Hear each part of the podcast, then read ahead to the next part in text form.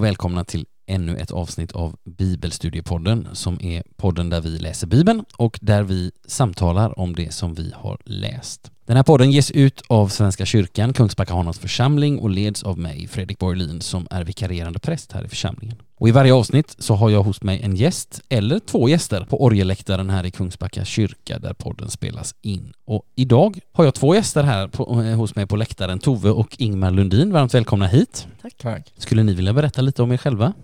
Ja, vi är ju gifta. Ni är gifta? Ja. ja. Du frågade förut hur länge vi har varit gifta. Det är 58 år 58 i år? år. Just det. Ja, tre barn. Mm. Gott. Har ni bott här i Kungsbacka länge?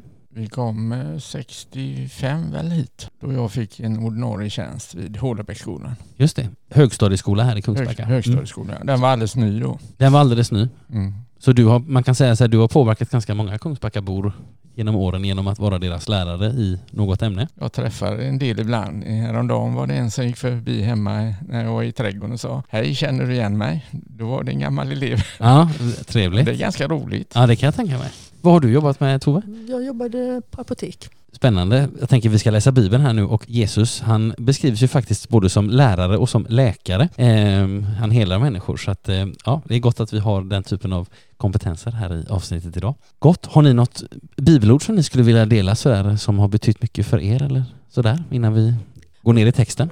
Jag har ju ett som jag fick väldigt påtagligt till mig själv för Mm. 20 år sedan. Jag var sjuk och låg i, på Kungsbacka, eh, i Varbergs sjukhus. Ja. Och eh, jag kände mig, tänkte hur ska detta gå? Och det var den här, jag tar min tillflykt till Herren. Jag vill vila under dina vingars skugga. Just det. Tills dess det onda är förbi. Just så fick jag det och då kände jag med en gång, åh nu kommer jag bli bra. Och det blev jag ju. Ja. Men den, eh, sen läste jag detta i, i Bi- Bibeln och då stod det inte så. Utan Nej. det stod eh, tills faran är över.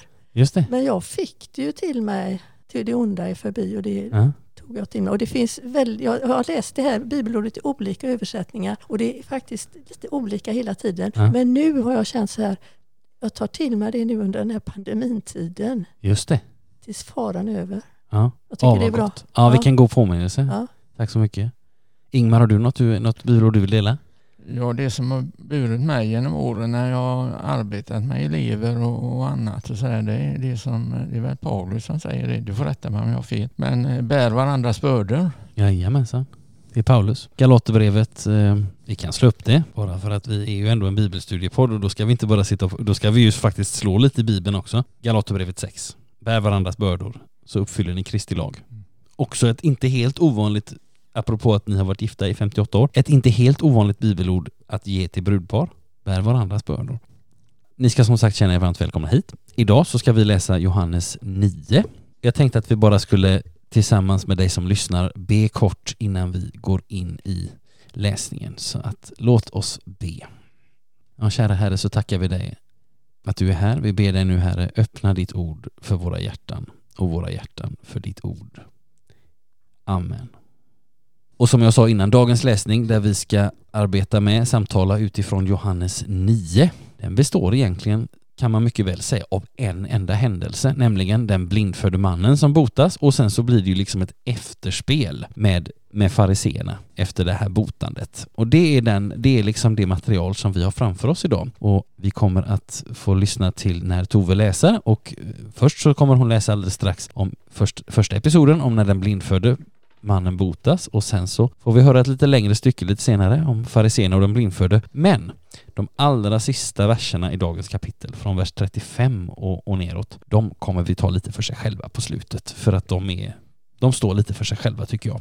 Men vi gör så att vi börjar med att lyssna till när Tove läser avsnittet som i alla fall i min bibel heter En blindfödd man botas. Där Jesus kom gående fick han se en man som hade varit blind från födseln. Lärjungarna frågade honom Rabbi, vem har syndat, han själv eller hans föräldrar eftersom han är blind?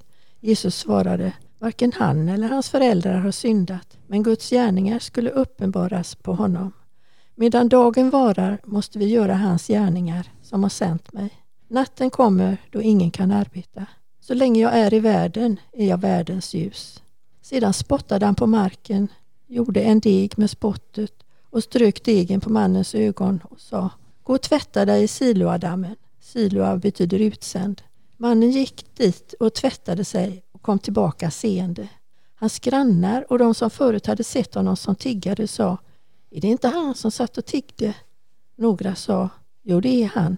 Och andra Nej, men han är lik honom. Själv sa han Det är jag. Då frågade de Hur öppnades dina ögon?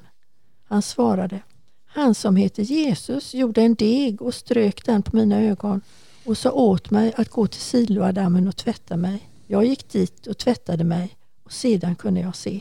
De frågade honom, var är han? Han svarade, jag vet inte. Tack så mycket Tove. Gott. Ja, jag ska strax eh, fråga er, kära gäster, om era tankar och sådär. Men jag skulle, bara, jag skulle bara säga som ett inledande ord att vi kan bara inledningsvis säga att den här händelsen räknas alltså som det sjätte av Jesu sju tecken hos Johannes, de här, ett av de här sju sjutalen. Och vilka är då de här tecknen? Jo, först är det i Johannes 2, vatten blir till vin på bröllopet i Kana. Kana i Galileen och sen så är det det andra tecknet, ämbetsmannens son som botas, också det i Galileen. Och sen är det en tredje tecknet, en sjuk man vid Betesda som botas. I, alltså i närheten av, eller inne i Jerusalem. Det fjärde tecknet som vi läser om i Johannes 6, det är mat åt 5000 och det sker i Galileen. Det femte tecknet att Jesus går på vatten, också det i Galileen och Johannes 6. Och så är det dagens, det sjätte tecknet, den blindfödde som botas i Jerusalem. Och så kommer det sjunde tecknet om två avsnitt fram, men, men det sparar vi tills då. Gott, men vad, vad fastnar ni för, kära vänner, när ni eh, läser eller hör det här avsnittet? Och det jag reagerar på det är när man, de frågar Jesus där om vem som har syndat, han eller hans föräldrar. Just det. Och eh, varje gång jag läst detta så har jag känt vad, vad, vad betyder det här egentligen? Men när jag läste igen nu och så såg komment, eh, parallellställen till det här, just detta, Mm. så är det ju faktiskt till lagen i Andra Mosebok. Är det, va? Eh, det är tio Guds bud. Mm. Och det står det ju väldigt tidigt att föräldrarnas synder går tillbaka på barnen, barnen både i två och tre och fyra led. Just det, absolut. Mm. Och då kan man undra vad, vad, vad ska man tro om det här? Mm. Och när jag läste en kommentar då så stod det så här om just detta. Lagen visar hur människan borde vara. Nåden berättar om hur Gud är. Eh, och då, om man läser då det här kapitlet om Mm. tio Guds bud så, så står det ju väldigt, eh, och vad ska man säga, det, man blir inte glad när man läser det att synden kan gå över på barnen och så vidare. Mm. och så vidare. Och det, Man blir ju ganska rädd men i versen efter det så står det lite lugnande då att Gud eh, ser med rättfärdighet eller någonting så här på människor. Men det står också när man kommer ner till, jag tror det är 20 versen där när Moses säger till Is, Israels barn då när de han skulle upp på berget igen. Var inte rädda. Så det, det är ju en motsättning här, eller motsats. Ja, det- precis. Det är lite två linjer kan man säga. Precis. Absolut. Och jag, precis, och jag tänker så här, det, där ligger ju ett varnande, där ligger ju någonting varnande också, där ligger en varnande omsorg i det, att säga att, att ibland saker vi gör får väldiga konsekvenser för barn och barnbarn. Alltså det kan man ju, alltså det finns ju exempel på det i många människors liv. Alltså någonting som som liksom har vandrat vidare. Och det kan ju både vara för att det finns ju en annan sida av det som Gud säger också att, att det finns välsignelser som kan vandra och då är det ju inte bara tre och fyra släktled utan då är det ju om det står till och med tusen släktled. Alltså så att det är välsignelser och även liksom saker som vi behöver ta ansvar för kan ju så att säga vandra vidare ner i generationsleden. Liksom. Sen tänker jag på just kopplat till den här, för jag tror att det är en sån här sak som många funderar kring. Det här som du tar upp Ingmar, det här vem har syndat, han själv eller hans föräldrar? Och det här går ju som sagt delvis tillbaka till det här ordet i Andra Mosebok. Men det går faktiskt också, det kan vara, med, det kan vara intressant att känna till, det går också tillbaka till en rabbi, en rabbin som, som undervisade som något före Jesus som, som hade liksom lanserat liksom en, ett ord som hade blivit vägledande för många människor. Och den, den sentensen är så här, det finns ingen död utan synd och inget lidande utan missgärning. Så det här hade blivit liksom ett, ett allmänt accepterat uttryck att om människor på något sätt verkade vara drabbade av olycka så drog man direkt slutsatsen att det här är någonting som personen själv eller personens förfäder måste ha blivit drabbade av på något sätt. Vi kan också tänka på om man läser i Jobs bok, som han drabbas ju av olika typer av lidanden och då är ju hans vänner där och försöker liksom säga att nej men det måste ju bero på någonting du har gjort, men det gör det ju faktiskt inte. Och det intressanta i den här texten, det är ju Jesus svar tänker jag. Det är ju, det är ju där nyckeln finns. Varken han eller hans föräldrar har syndat. Men Guds gärningar skulle uppenbaras på honom. Det vill säga, han, Jesus avfärdar den här, det här synsättet som innebär att han liksom har fått någon slags, han har gjort något för att förtjäna detta. Utan det som står i centrum är snarare det här, men Guds gärningar skulle uppenbaras på honom, det vill säga det här som jag tror att vi kan också uppleva ibland, det vill säga svårigheter är inte sällan vägen till välsignelser och till ett liv närmare Gud. Så tror jag man kan se det. Men man kanske också behöver påminna sig själv om att i det här sammanhanget så var det ju så att det var ju det som vi kallar för Gamla Testamentet eller judarnas bibel. Det var ju den man läste och den man följde. Absolut. Sen att ja. detta då skulle gå över det med Guds nåd genom eh, Jesu död på korset och uppståndelse. Det, det kände mm. man ju inte till. Nej, nej, nej, precis. Nej, och, det, vara, och det tror jag är viktigt att man är medveten om det. Ja. Man läser det här. Ja men precis. Vi kan ju inte, för det är ju saker, det är ju saker som ännu inte har hänt i den här texten, absolut. Men jag tycker det är intressant att Jesus så tydligt avfärdar det här. Att nej men eh, det handlar inte om han eller hans föräldrar utan här, här, kommer, här, här ska Guds gärningar uppenbaras liksom. Jag tycker att det är en, men, men eh, visst är det, jag tror det är många som har funderat och stannat till vid det här stället.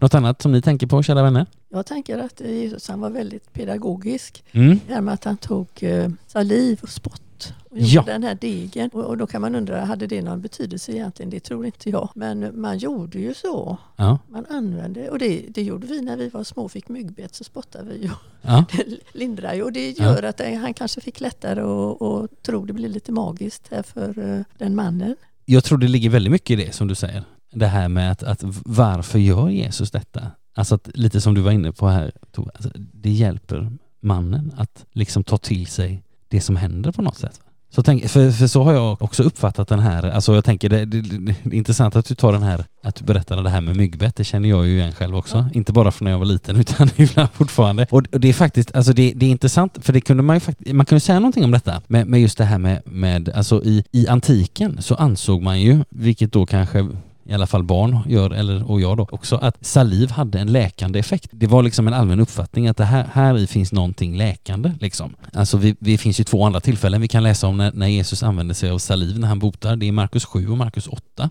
Och i ingen av de texterna och inte heller i texten idag så är det ju någon som reagerar på att Jesus gör så här. Vilket ju liksom blir som ett tecken på att ja, men det här är ingenting konstigt. Utan eh, så här kunde man göra och att, att ha olika liksom degar och omslag och sådär det är ju en, liksom, någonting som man har använt också i Sverige liksom tidigare. Det här att, att liksom lägga omslag och, och grötomslag och sådär på, på, på saker när man har haft ont och sådär. Och, och faktum är att om man tittar på, på gamla, om man tittar i gamla källor så i Eh, den romerske skribenten Plinius den äldre, han har skrivit ett jättestort verk, 37 böcker som heter Historia Naturalis och där har han ett kapitel som behandlar just saliv som läkemedel. Så att det, var en, det var en spridd och den är liksom belagd den uppfattningen att saliv var någonting som kunde liksom hjälpa. Sen tänker jag eh, på samma sätt som du Tove där, att det betyder ju inte att Jesus är beroende av det här yttre medlet för att liksom kunna bota. Alltså vi vet ju att Jesus botar människor som inte kan se bara genom att röra vid deras ögon, till exempel i Matteus 20. Det är inte spottet eller degen som det kommer an på, utan Guds kraft som det kommer an på liksom. Men det är lite intressant, det påminner oss det här, vi har, jag tror att vi har talat om det någon gång innan här i podden, att Jesus botar på olika sätt. Alltså han botar med, med ett ord eller han botar med beröring eller ibland är det människor som bara sträcker sig fram för att röra vid honom. Och Jesus kan också bota på avstånd. Han kan säga till någon, gå hem, din son är frisk på ett ställe och i något fall så får vi höra om ett, liksom ett gradvis helande. Men, men här blir det liksom ytterligare, här verkar Jesus på något sätt ändå använda någon typ av medel. Som sagt, inte för att det är det medlet i sig som behövs, men jag tänker att för att hjälpa mannen, alltså Jesus möter mannen och helar honom på det sätt som han behöver. Det har, vi, det har vi sett innan också det här, att Jesus någon gång använder vad vi kan uppfatta som teckenspråk för att liksom förklara vad är det som sker. Alltså det, det är inte bara ett helande här, utan det är också en väldig omsorg på något sätt, tänker jag. Sen en annan sak som man kan notera här, för det är ju många helanden i, inte minst i evangelierna. En annan sak som står ut i den här berättelsen, det är ju faktiskt att det här är det enda tillfälle som Jesus botar någon med en medfödd sjukdom. Vi vet att apostlarna får göra det, en man som är lam från födseln i Apostlagärningarna 3. Men jag tänker att, precis som du är inne på Tove här, att, att det är för den blindes skull som Jesus använder den här metoden den här gången. Han möter människor på det sätt som de behöver bli bemötta. Alltså vi, vi kan ju på ett sätt tänka på detta kopplat till sakramenten, till dopet eller nattvarden. Alltså Gud är inte beroende av vatten eller bröd eller vin för att liksom ge oss andliga välsignelser. Men för att göra det lättare för oss att ta emot i tro så har Gud knutit löften om nåd och närvaro och välsignelse till de yttre medlen i dopet och i nattvarden. Så det, ja, det jag tycker det är... Sen, sen finns det ju en annan sak också. Han gick ju till dammen. Just det. Och vattnet, det har jag hört, det kan man också tänka att det Man tänker på dopet, Mm. dopets vatten. Absolut. Och här finns, ju en, här finns ju en väldigt intressant, eh, tycker jag, en intressant symbolik det här med just med Siloadammen och att, och att det betyder utsänd och sådär. Alltså det kanske, man, det kanske man skulle säga någonting också om här, alltså si, Siloadammen. Har ni varit i Israel förresten, får jag fråga er? Ja, Har ni varit vid den här dammen? Jag tror det, Mm. men det var inte mycket vatten. Nej, alltså vad kan man veta om Siloadammen? Jo, det är en damm som ligger i Jerusalem eller vid Jerusalem. Alltså stadens murar har ju liksom stått på lite olika ställen så i, i vissa tider har det varit innanför i staden och, och i vissa tider utanför. Men den här dammen den byggdes ursprungligen av kung Hiskia. Vi kan läsa om det här i Andra Kungaboken 20 eller Andra Krönikeboken 32. Och Siloa som betyder utsänd, ja det är för att liksom kung Hiskia då han sände liksom den här, det här vattnet från Gihonkällan in till dammen genom någonting som heter Hiskias tunnel. Jag vet inte, har ni, har ni, varit, har ni gått Hiskias tunnel? Nej, det, när vi var där så fick man inte det. Nej, men det, man kan faktiskt gå i Hiskias tunnel än idag. Det är lite av en turistattraktion. 530 meter lång, helt mörkt, väldigt trångt och med porlande vatten. Ibland upp till så det täcker foten och ibland så att det täcker knäna. Jag har faktiskt en lite rolig, vi får se om vi klipper bort den här berättelsen, men jag, jag var med på en universitetsresa till Israel och gick i den här och, och vi hade liksom sett fram emot detta och det var spännande och historiens vingslag och sådär. Men, men sen, sen precis efter oss då så kom det en, en mellanstadieklass från en israelisk flickskola och de skrek och tjöt. Så att det, var inte, det var ingen andaktsfull stund men, men jag, jag har i alla fall gått den.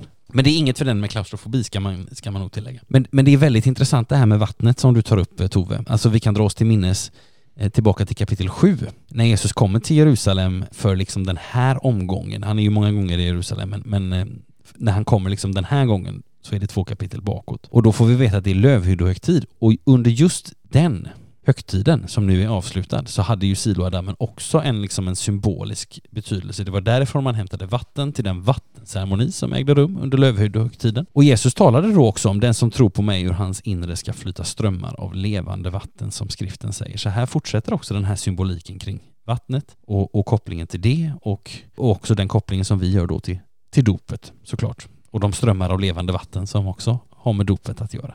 Skulle man säga en sak till om just detta så är det att i Jerusalem så har ju Jesus gjort, nu har han gjort två av sina tecken där. Och båda är kopplade till dammar, det är lite intressant. Alltså är det ju den lame vid Betesda och så är det den här mannen som får sin syn tillbaka efter att han badar i Siloadammen. Och det ligger också en symbolik också i det här, nämligen att vi har sett Johannes, han, han översätter Siloa med utsänd, alltså Jesus är ju Guds utsände. Och den andra dammen, Betesda, det betyder barmhärtighetens hus. Och det är ju också faktiskt en beskrivning av vem Jesus är. Han är ju den verkliga barmhärtighetens hus som ger eh, sjuka människor läkedom. Något annat som ni tänker på i, på i det här avsnittet, vänner?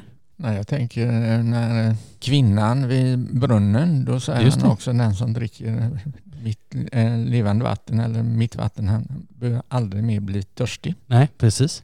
Också här i Johannes, också en vattensymbol. Mm. Det finns också en liten koppling här som man kan göra till eh, det som Jesus säger här i vers 4. Medan dagen varar måste vi göra hans gärningar som har sänt mig. Natten kommer då ingen kan arbeta. Så länge jag är i världen är jag världens ljus. Och då kommer man fråga sig, men vad händer sen då?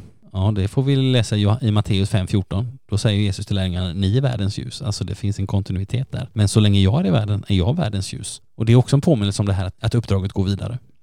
Då ska vi göra så att vi ska gå vidare till, till nästa avsnitt som Tove ska läsa för oss och det är alltså det här avsnittet, nästan hela det avsnitt som i Bibel 2000s utgåva heter Fariséerna och den blindfödde. Det förde mannen som har varit blind till fariseerna. Det var på en sabbatsdag som Jesus hade gjort degen och öppnat hans ögon. Nu frågade också fariseerna honom hur han hade fått sin syn. Han svarade, han la en deg på mina ögon och jag tvättade mig och nu kan jag se. Några fariseer sa, mannen han talar om är inte sänd av Gud, han håller inte sabbaten. Men andra sa, hur skulle en syndare kunna göra sådana tecken? De var alltså oeniga och därför frågade de den blinde en gång till. Vad tror du själv om honom eftersom han öppnade dina ögon?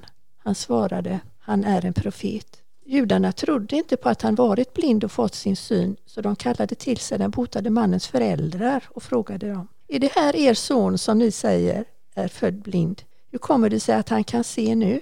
Föräldrarna svarade, vi vet att det här är vår son och att han föddes blind, men hur han kan se nu, det vet vi inte.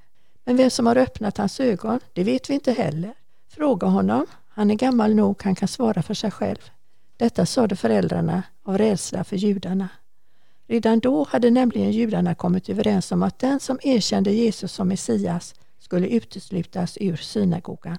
Det var därför som mannens föräldrar sa, han är gammal nog, fråga honom själv. För andra gången kallade de alltså till sig mannen som hade varit blind och sa till honom, ge Gud äran, vi vet att den här mannen är en syndare.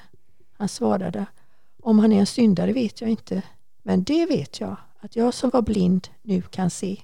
De frågade honom, vad gjorde han med dig? Hur öppnade han dina ögon?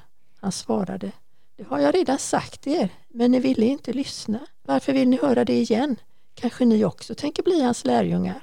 Då snäste de av honom och sa, du är hans lärjunge, men vi är Moses lärjungar. Vi vet att Gud har sagt till Mose, men varifrån den här mannen kommer, det vet vi inte. Han svarade, ja, det är det märkliga att ni inte vet varifrån han kommer och ändå har han öppnat mina ögon.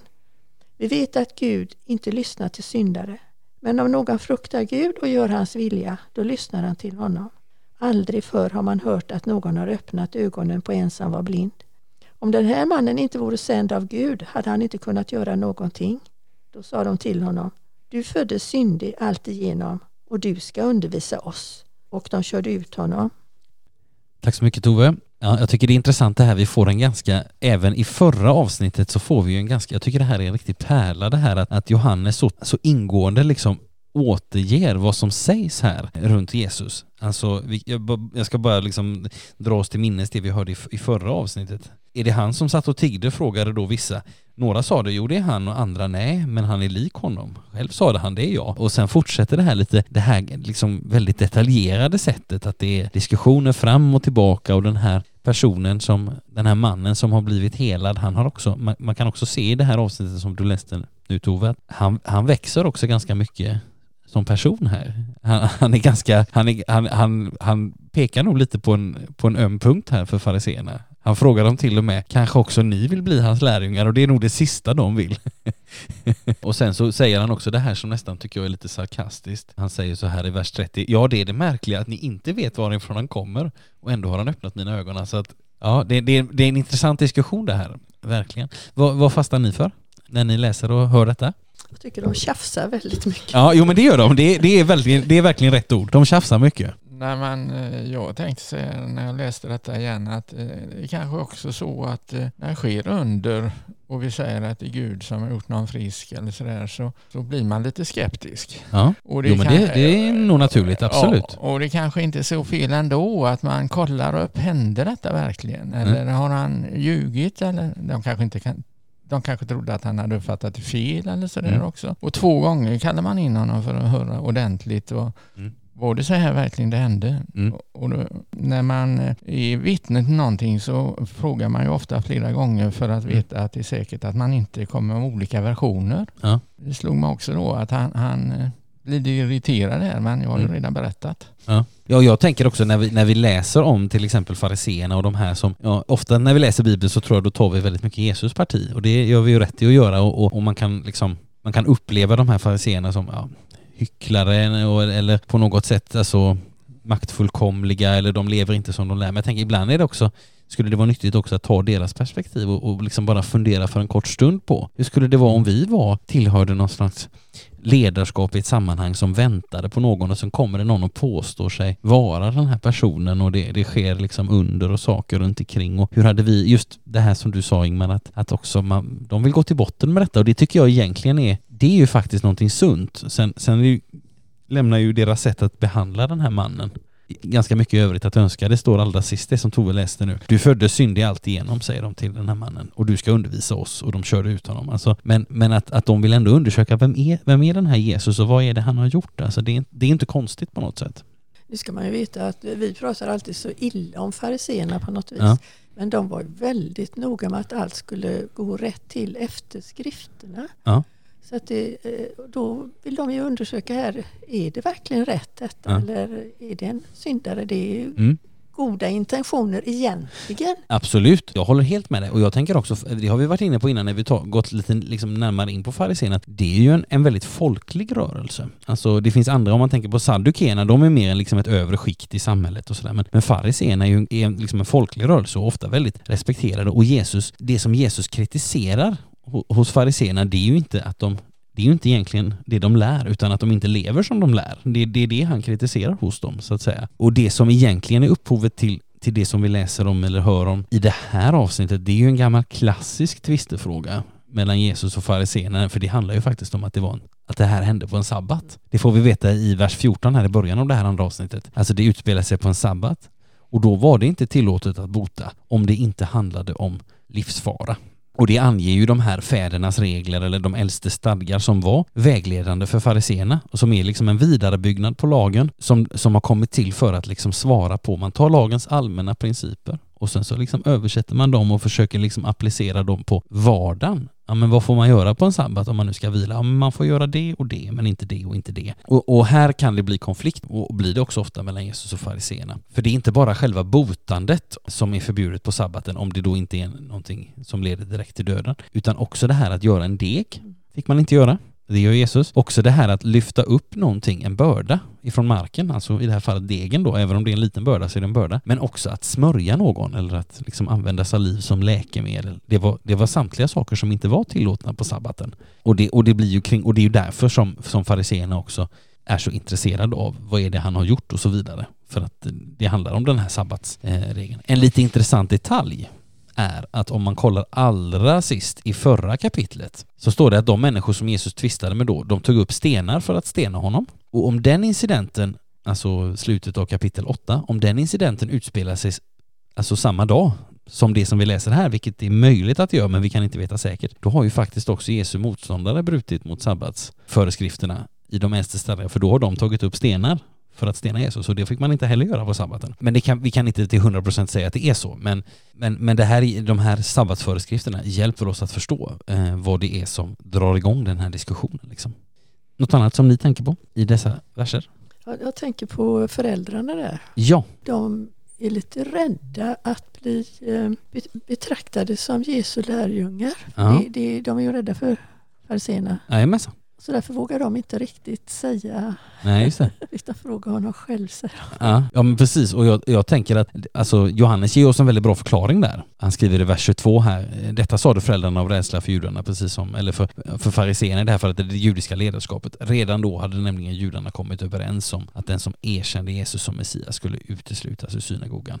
Och därför säger han, han är gammal nog, frågar honom själv. Och då kan man tänka sig, är, är inte faktiskt hans föräldrar bättre på att svara på frågan om han föddes blind?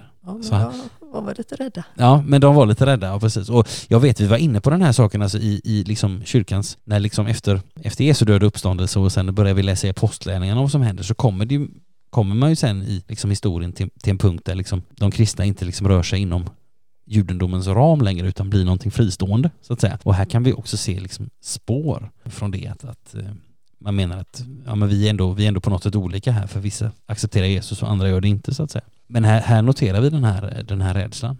Sen så en sak som jag fastnade för, jag vet inte vad ni säger om det, om det uttrycket, men det är ju det här som, som den här mannen säger mot slutet här. Han, han säger så här, vi vet att Gud inte lyssnar till syndare, men om någon fruktar Gud och gör hans vilja, då lyssnar han till honom. Den har jag funderat lite på ett, ett ganska bra tag, den versen. Vad som menas med den egentligen. För, för vi är ju vana och vi är ju vana att tänka, tror jag i alla fall, att jo men Gud lyssnar ju. Jesus säger ju be så ska ni få, eh, sök så ska ni finna, bulta så ska dörren öppna. Så jag tänker det, det är återigen det här som du var inne på förut Ingmar, att vi kan inte, kan inte lägga på all Jesu undervisning här och förvänta oss att människorna här ska ha hört den eller så, utan vi får liksom vara glada över att vi sitter med, med hela den samlade bilden, men det kan vi inte förutsätta att de som talar i, på Bibelns sidor alltid har, har fått ta del av liksom. Men jag tänker att det här är en vers som vi behöver stanna upp vid, för här står någonting som behöver kommenteras. Alltså här får vi ju del av den här mannens upp, uppfattning om vilka Gud lyssnar till. Eh, när han säger vi vet att Gud inte lyssnar till syndare. Men det här är inte först och främst ett uttalande liksom, om Guds natur eller vem Gud är, alltså någonting, vad ska vi säga, teologiskt eller dogmatiskt eh, på något sätt. Utan det här är ju först och främst, tänker jag, ett försvarstal för Jesus. Alltså tidigare i vers 25 så har ju mannen sagt så här, om han, alltså om Jesus, är en syndare vet jag inte. Men det vet jag, att jag som var blind nu kan se. Och nu i vers 21 så har liksom temperaturen i diskussionen höjts och mannen tar Jesu, liksom ty, Jesus tydligare i försvar. Vad han säger är att den här mannen är ingen syndare eftersom Gud har helat genom honom, det vill säga Gud har lyssnat till det som Jesus har begärt. Samtidigt så behöver vi ju komma ihåg Jesus säger i Markus 2, det är inte de friska som behöver läkare utan de sjuka. Jag har inte kommit för att kalla rättfärdiga utan för att kalla syndare. Alltså Gud vill ha med syndare att göra. Gud vill ha med alla människor att göra. Han kallar på dem, han kallar på oss. Han vill dra oss in i den här relationen med sig själv, in i liksom en fördjupande, helgande gemenskap. Han kallar oss, han bjuder in oss att vända om till honom och att lyssna till honom och han hör oss när vi ber. För Jesu Kristi skull brukar vi säga. Så det är gott att tänka på. Då ska vi göra så att vi ska lyssna till också de sista verserna i, i dagens kapitel. Så vi lyssnar till när Tove läser från vers 35.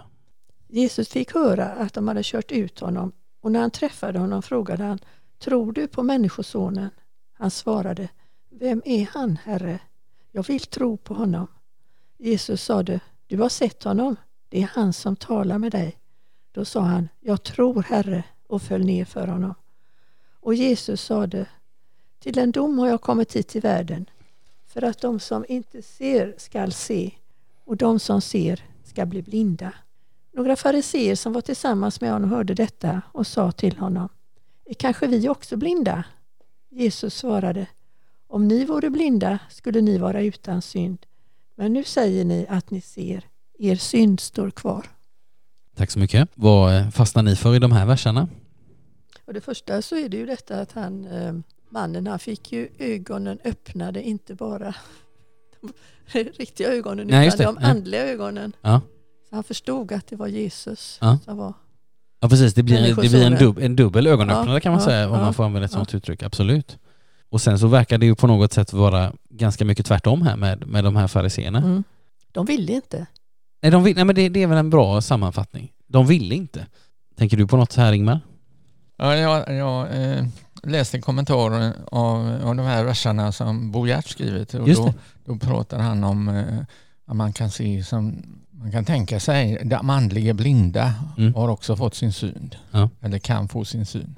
Ja men precis, alltså det handlar om ett så att säga, det är verkligen de två sakerna här i, i det här kapitlet. Att det handlar dels så finns det liksom någon slags fonden eller liksom bakgrunden till allt det som händer här. Det är ju den här helandet liksom. Men sen så blir det en lång diskussion här eh, och som nu på slutet också liksom lite grann sammanfattas så det blir liksom tydligt att här är någon som har fått sin syn och som också har fått, precis som du är inne på Tove, fått sina ögon öppnade också på ett andligt plan. Och sen så finns det de personer i det här kapitlet och då tänker vi på fariséerna där liksom Johannes tanke verkar vara, eller det som han, jag uppfattar att han vill förmedla till oss, det är att här är ju personer som borde ha sett, som har väldigt många förutsättningar för att se på ett bra sätt, det vill säga de kan lagen, de kan gamla testamentet, men de, de ser ändå inte. Lite som du var inne på Tove, de vill inte se. Alltså jag tänker i det här, de här sista verserna så, så kan man säga, jag tycker det, man kan hitta tre stycken bilder för att tro. Alltså dels så handlar det om, ja dels är det det här som Jesus säger först här. Han frågar, tror du på Människosonen? Och mannen svarar, vem är han herre, jag vill tro på honom. Jesus sa det, du har sett honom, det är han som talar till dig.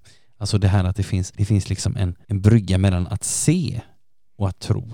Alltså ibland kan vi, det här har vi varit inne på tidigare, att det här med att, att en bild för tron att, att se på Jesus, inte så att vi kan liksom se honom som är osynlig, att det är det som måste till, utan just att man får liksom, man får titta på Jesus, alltså titta på en bild på honom på en altartavla i en kyrka och så se att ja, men han har gjort något för mig. Alltså det, att det, det är en bild av vad, vad tron är, att, att, att se helt enkelt. Sen så ligger en annan fin bild för tron i det här som mannen säger, det vill säga han säger så här, jag vill tro på honom. Alltså han gör det, han vill i motsats till de andra som inte vill. Liksom. Och sen så står det också att han föll ner inför honom. Att han, och föll ner för honom. Och det är också en bild som jag tänker hänger ihop med tron, att liksom här är det inte jag som ska, utan, utan här får jag falla ner inför någon annan liksom, som är större än jag själv. Man kan tänka på det här ordet som jag kommer tillbaka till många gånger nu, Johannes 3.30, där döparen säger han ska bli större och jag mindre. Det, jag tänker att det också hänger ihop med detta på något sätt. Gott. Något annat som ni tänker på? Nej. Nej, men då börjar vi, då ska vi ta och eh, avrunda här.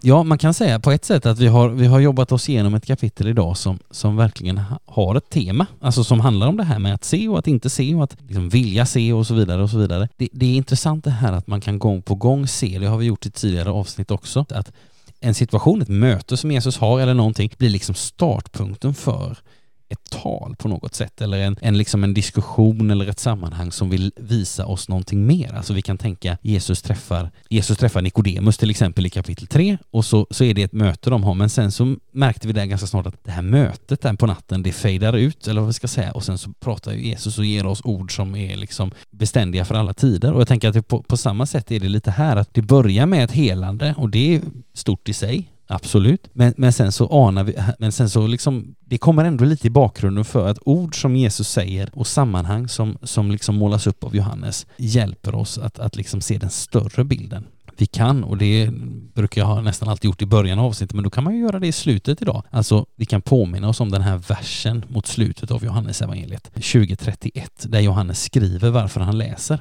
Han skriver så här att dessa har upptecknats för att ni ska tro att Jesus är Messias, Guds son och för att ni genom tron på honom ska ha liv i hans namn. Alltså den liksom programförklaringen eller nyckeln till Johannes evangeliet, den går ju att applicera på också på det här kapitlet. Alltså Johannes skriver för att vi ska tro. Och därför finns både tecknen men sen så finns också alla de här orden som vi kan stanna upp vid och fundera över, meditera över och också samtala om tillsammans. Och då är det väldigt gott att ha gäster här att få samtala med. Stort tack Ingmar och Tove för att ni har varit här i det här avsnittet. Stort tack också till dig som har lyssnat och hoppas att du har funnit någonting också i det här avsnittet. Tills vi hörs nästa gång så önskar vi härifrån orgeläktaren i Kungsbacka kyrka dig som har lyssnat allt gott och Guds rika välsignelse. Hej då! Hej, hej.